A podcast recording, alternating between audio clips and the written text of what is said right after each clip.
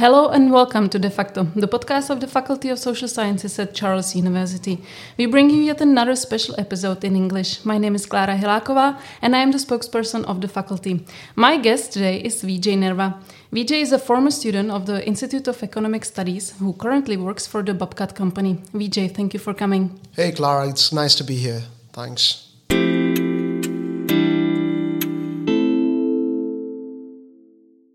So I'll just put a little disclaimer here. Uh, we actually happen to have your little puppy here, little we Amstaff puppy. So if you if you hear some background noises, it just uh, just keep in mind that there's a little wild animal here with Yeah. us in this room. Just to put this whole episode into perspective, I have to tell our listeners that we actually happen to be really good friends. We Uh, we met around seven years ago when you came from your home country, India, to Prague for studies, and we met through Charles University Buddy Program. Um, please tell us how did it occur to you to come to Prague to study? Yeah, it's kind of a strange and funny story. Um, when I was 19 years old and I was doing my bachelor's back in India, uh, I had the opportunity to come to Czech Republic for an internship. Well, I was with a non-profit called AIESEC. I think most of you are familiar with AIESEC. Yeah, and I basically chose Czech Republic because I wanted to go to countries where no other Indians go. They're unexplored. You know, we, we didn't know much about the country back then. It's kind of boomed up since. But yeah, I chose it for those reasons, and among other reasons, you know, I knew some Czech companies that were already playing in this space. And, you know, uh, part of the reason I wanted to travel was also to kind of build contacts, networking, understanding other people, how they behave, cultures. So I finally landed here. I was basically introducing my country in different schools around Czech Republic, and I was also um, in Prague, in certain cities in the northeast of Prague. You know, in um, I would I would name Teplice, Chomutov. These are these are the cities that, that I was at, and uh, then I went back. I came back again the next year because I loved my experience in Prague so much, and not just uh, with the internship and you know with the people I met, but in general, I like the culture here uh, a lot. Uh, very easygoing, friendly culture, um, kind of unexplored for mo- I think most people uh, back then. And I decided to do an internship at the bank. So I started working as an intern in risk management at mBank. Uh, that's in Karlín. Uh, they, probably they still are. So I, I I liked it so much back then that I was like, okay, well now I have a choice between you know doing my masters anywhere else and in Czech Republic. Of course, I applied to other universities, uh, Ludwig Maximilian University in Germany, Carnegie Mellon in Qatar. They have a they have a um, branch there, and so, so other, some other universities around Europe. And at the end of the day, I decided, hey, you know what? It's not just studies I want to I, I want to consider when I'm going somewhere. It's the overall package. And when I, with my previous experiences in the country, with the people I met, the networking I did, uh, I thought it was a great opportunity for me to kind of take up IES. And then IES as a school, I researched a lot. Uh, there have been famous economists coming out like Thomas Sedlacek and you know Mi- Michal uh, late professor.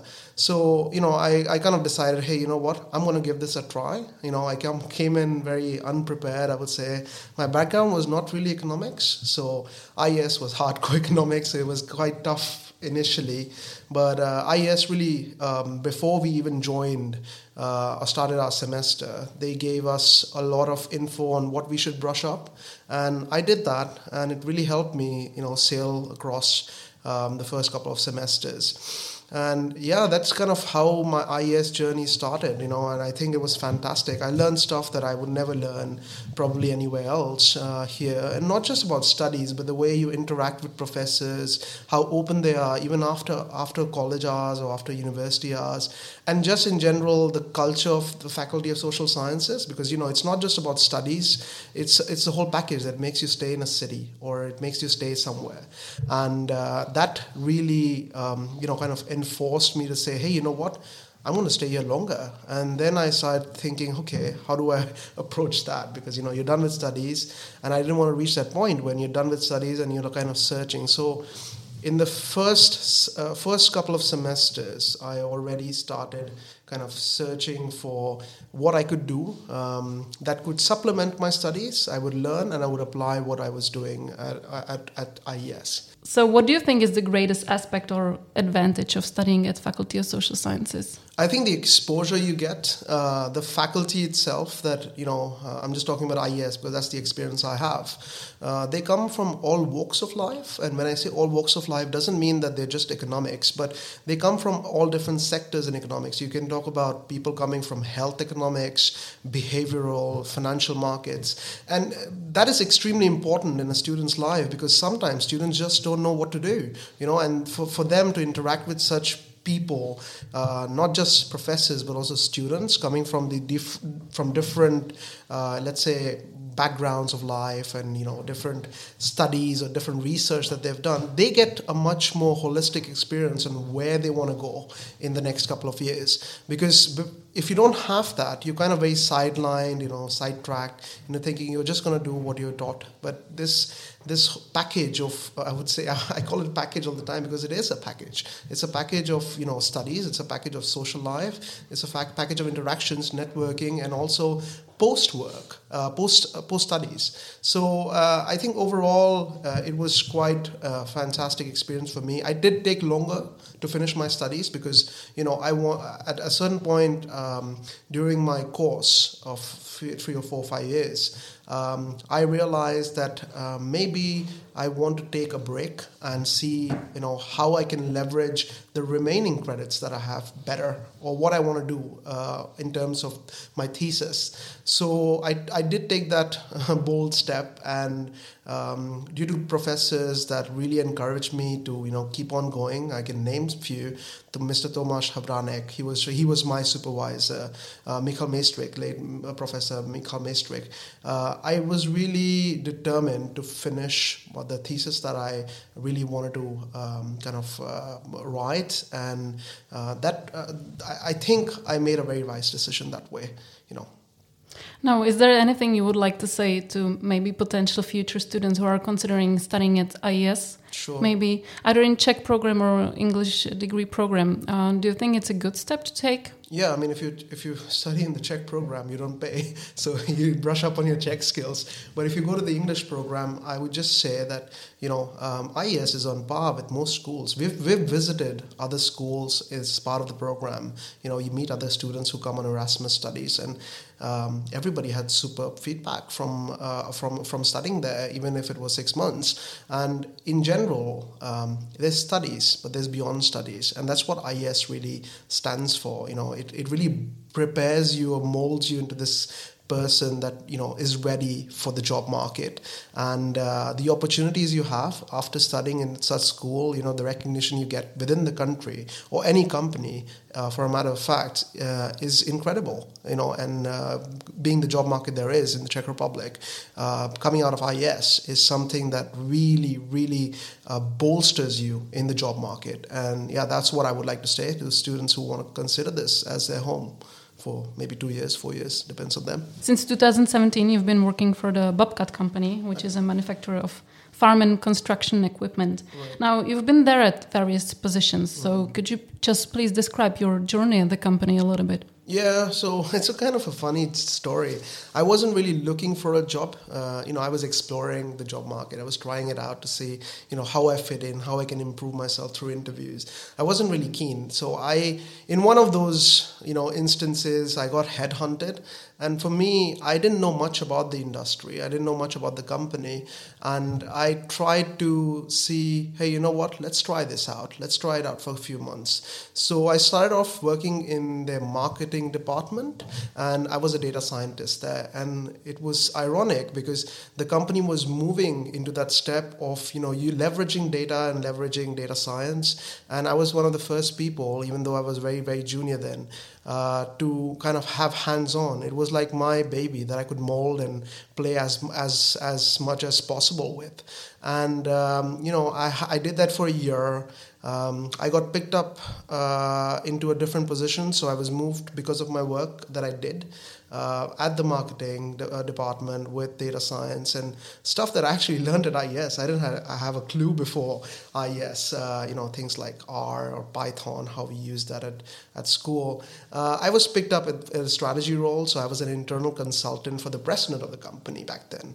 So my job was basically forecasting the industry and, you know, knowing construction industry. I don't know if many people read McKinsey reports, but there was a report that came out in 2014 which said, you know, digitization is moving really fast except the construction sector. And that's kind of pulling down uh, total productivity of the global economy.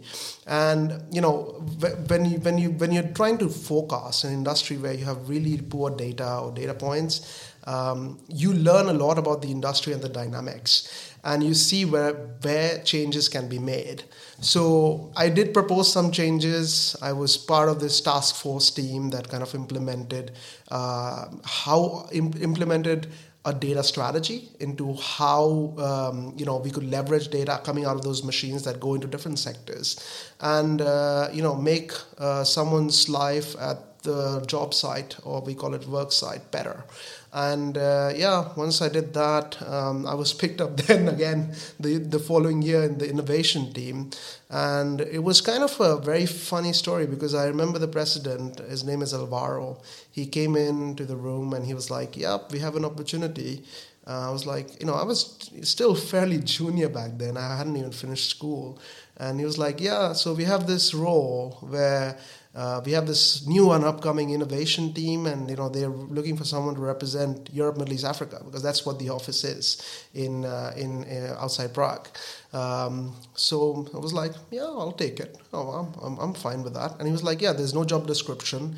Uh, you'll see how it goes. You know, for a young person, that's kind of uncertainty. There's a lot of uncertainty, right? And for me, I was like, yeah, let's take the challenge, you know. And that's how we built, you know, uh, our team. Um, I lead the region now for Europe, Middle East, Africa in uh, for innovation and acceleration activities. We do a bit of investing in startups, and I've really, let's say, been groomed into that position, and I really enjoy my job. It's uh, it's fantastic because you know uh, you meet right you meet people right at the job site. So i've been places where there are cow farms and you're deep in uh, cow dung for instance you know and you're trying to understand what is the customer's problem. And then we've, we've spoken to startups where we've invested a few million euros. So you know you can you can understand the lengths of which it takes to um, to get into such kind of position and how you know my studies kind of readied me for for the, for this kind of position. So yeah, it's, it's been great so far. Um, a great couple of years. Now, when you say that your studies actually readied you for this position, what exactly are we talking about? Yeah, so um, part of what I did for the strategy team was, um, you know, forecasting markets, and a lot of the forecasts that we did, uh, they, these were models that were not existing in the company before. So we it had to be built from scratch, and this is something I learned in one of the courses at IES. It, it was at IES, it was not my bachelor's, it was from IES that I actually used, and it was part of a project that I did for IES as well in, in one of the group assignments. So I just leveraged that and it worked, you know, and of course it was not perfect, but it was a start to something that didn't exist before. And, you know, that kind of paved way for me to say, hey, you know what, maybe I don't want to work in economics, but I can leverage what I've learned in other sectors or other things that I do. And that's what I keep doing today as well. Like when we, for instance, even in innovation, when you're, let's say, evaluating a company or startup that you want to invest in, you need to have a strategy, you need to have a plan, you need to have a data set that you work with, you need to work with data. And all of that I've learned at IES you know and uh, you know okay well not everything but i would say uh, the, the majority of things that are scientific is, is what comes out of IES, you know, and for me that is fantastic because I've learned the theory part and I'm actually applying what I've learned into something that uh, drives value at the end of the day, and for me that is satisfaction 101 for me, yeah. We already said that, but I'm just going to repeat it. You are currently the head of innovation and acceleration for Europe, Middle East, and Africa. Now, what does your typical workday looks like? It's a mixed bag, you know. I keep saying, you know, when you asked me the other day, hey, you know what, um, would you have time in two weeks? I was like, yeah, I do, because you know my calendar doesn't work that I've stuff planned for the next six seven months or two, two three months. It, it's it's day by day it's different. And this is what i remember my my my ex boss coming and telling me hey you know what? We don't have a job description and it's the same till today you know? So uh, we work a lot with customers you know a lot of what technology does, and that's where we play. You know, we work with uh, uh, far-reaching technologies, like we are working in autonomy in our space. We're working with full electrification. We just launched the first fully electric, um, you know, um, construction machine in our sector and uh, you know that's a game changer because you know you're addressing the environment you're addressing customer needs you're keeping governments happy and you know uh, you, you, at the end of the day all that requires is speaking to customers speaking to technology providers bringing them together uh, getting feedback improving the product um, getting productivity out of the door through commercialization because at the end of the day you you can have the greatest technology out there. There are a lot of technologies out there, and technology is changing fast. But if it doesn't drive value, or there's no value add, there's no marginal utility of this, um, you, you're playing a very wrong game, and that kind of helps us understand you know where we are and what we're doing and where we want to go. Um, and this this is what my typical let's say i would not call it day but week looks like speaking to different continents. Because even though i'm responsible for europe middle east africa I work with Asia, I work with North America. I have no timings. That's why you can ask me to come um, uh, at 4 p.m. here today, you know, because I, I, I, start work in the morning, I take a, probably a break, I work out a bit, and then I work again, and then I work with the Asian markets, I work with European markets. Um, it's, it's a very uh, un, unorthodox style of working, but I think this is where we are heading as, a, as, as globalization spreads far and beyond, that um, you you work for value. You don't work for work. And if there's no value there's no point working. That's what that's what i i, I believe in as well that uh, there's no there, you shouldn't be tied up with schedules. Schedule is good to have but you should be flexible enough to say where you need to prioritize where there's value. And then if there's value you prioritize that as your number one. Yeah I remember before the COVID hit, you used to travel a lot, like you were gone for many, many months of sure. the year. But how has the pandemic influenced the business? Uh, it was, of course, you know, initially when the pandemic, uh, you know, started, uh, there was a lot of uncertainty. The thing is, uncertainty is more difficult a situation than something that is, you know, uh, bad for the industry or there's a downturn in the industry. When there's uncertainty, you don't know. And when you don't know, you don't know how to act. And when you don't know how to act, you don't act fast. Um, initially, I was traveling a lot. Yes, as you say, you know, I was taking 100 flights a year. That's a lot. But uh, in 2020, things slowed down. We turned our business into and something you know our business is something where you really need face-to-face interaction with customers because uh, there's certain things that you don't uh, get over the phone or if you don't know the person um, we try to leverage technology as, as much as possible. Um, we try to utilize technology into how we could improve our voice of customer process. That's what we call it when we speak to customers. And that kind of took um, it took a couple of months to kind of you know get to get on i wouldn't say it was on par with before but it it, it was at a point where uh, business could be done let's put it this way but beyond that, um, things improved. You know, in 2021, with the vaccination drives getting better and bigger, um, COVID kind of dialing down a bit, uh, we were able to travel again. You know, so our impact was big initially, but it actually improved, and it's um, we've been growing faster than we've ever grown as a company, and uh, we are embracing technology also faster than before because we realize technology is savior you know technology is you, the way how you overcome bottlenecks or barriers. And yeah, so right now the biggest problem is not traveling. The biggest problem is supply, as you know, the global supply issue of microchips and things like that. So, but uh, yeah, we really, uh, I would say, as a company, we really, and of course that's because of good leadership. Uh, we were really able to overcome and um, you know probably beat a downturn. That would have been uh, a big, big. Uh, if we didn't embrace technology as fast, if we didn't uh, embrace technology the way it was and mold it to our kind of day-to-day business, I don't think we would have been where we are today, which is very good. We're, we're at a very good position. Now, Vijay, I, I know you for a while, and I mm. know that you're also quite active when it comes to volunteering. Right. I know you've been active when the tornado hit Moravia last summer. Mm. I know you're active at the Ukrainian border now. Mm. What motivates you to help? Uh, I think it's kind of natural, isn't it? I mean, um, for, okay, let's put it this way. When I'm a, uh, people define citizenship as something that is legal and, you know, you pledge your allegiance to uh, set doctrine or, you know, set values. I think uh, it, citizenship goes beyond. It, it, for me, citizenship is if you're, if you're somewhere and if you can help someone out, uh, and if you can give back to society, and if you have the, the opportunity to, um, you should.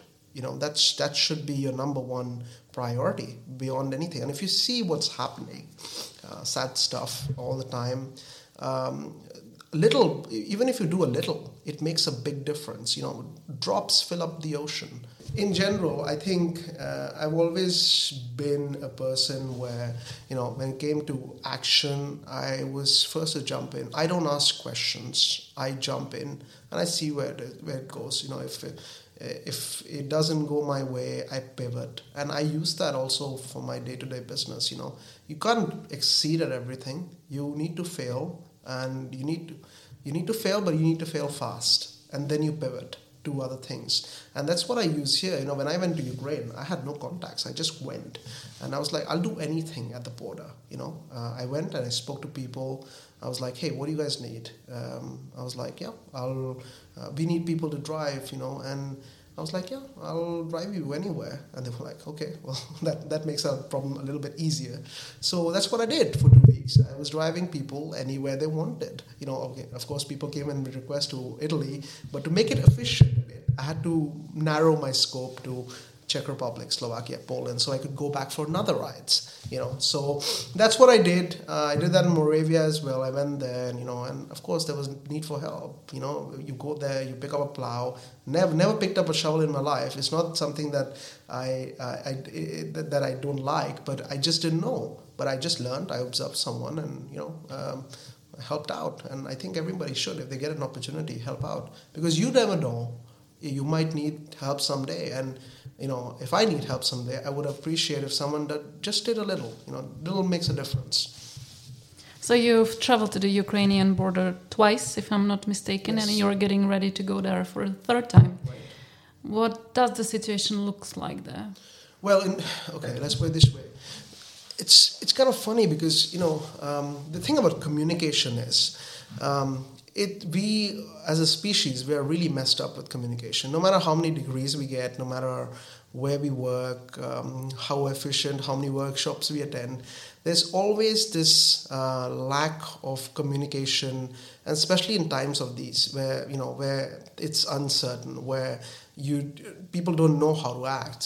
So when i went there the first week um, uh, it was a it was complete chaos. You know there were people to help there was help and material help. You know, there were there was transport, but and then there were people who needed the help, but there was no communication in between. You know, there was no organized communication, and that's normal because you know you have a different language. You have you know a lot of people. You know, this is this is at the magnitude which probably Europe has not seen before.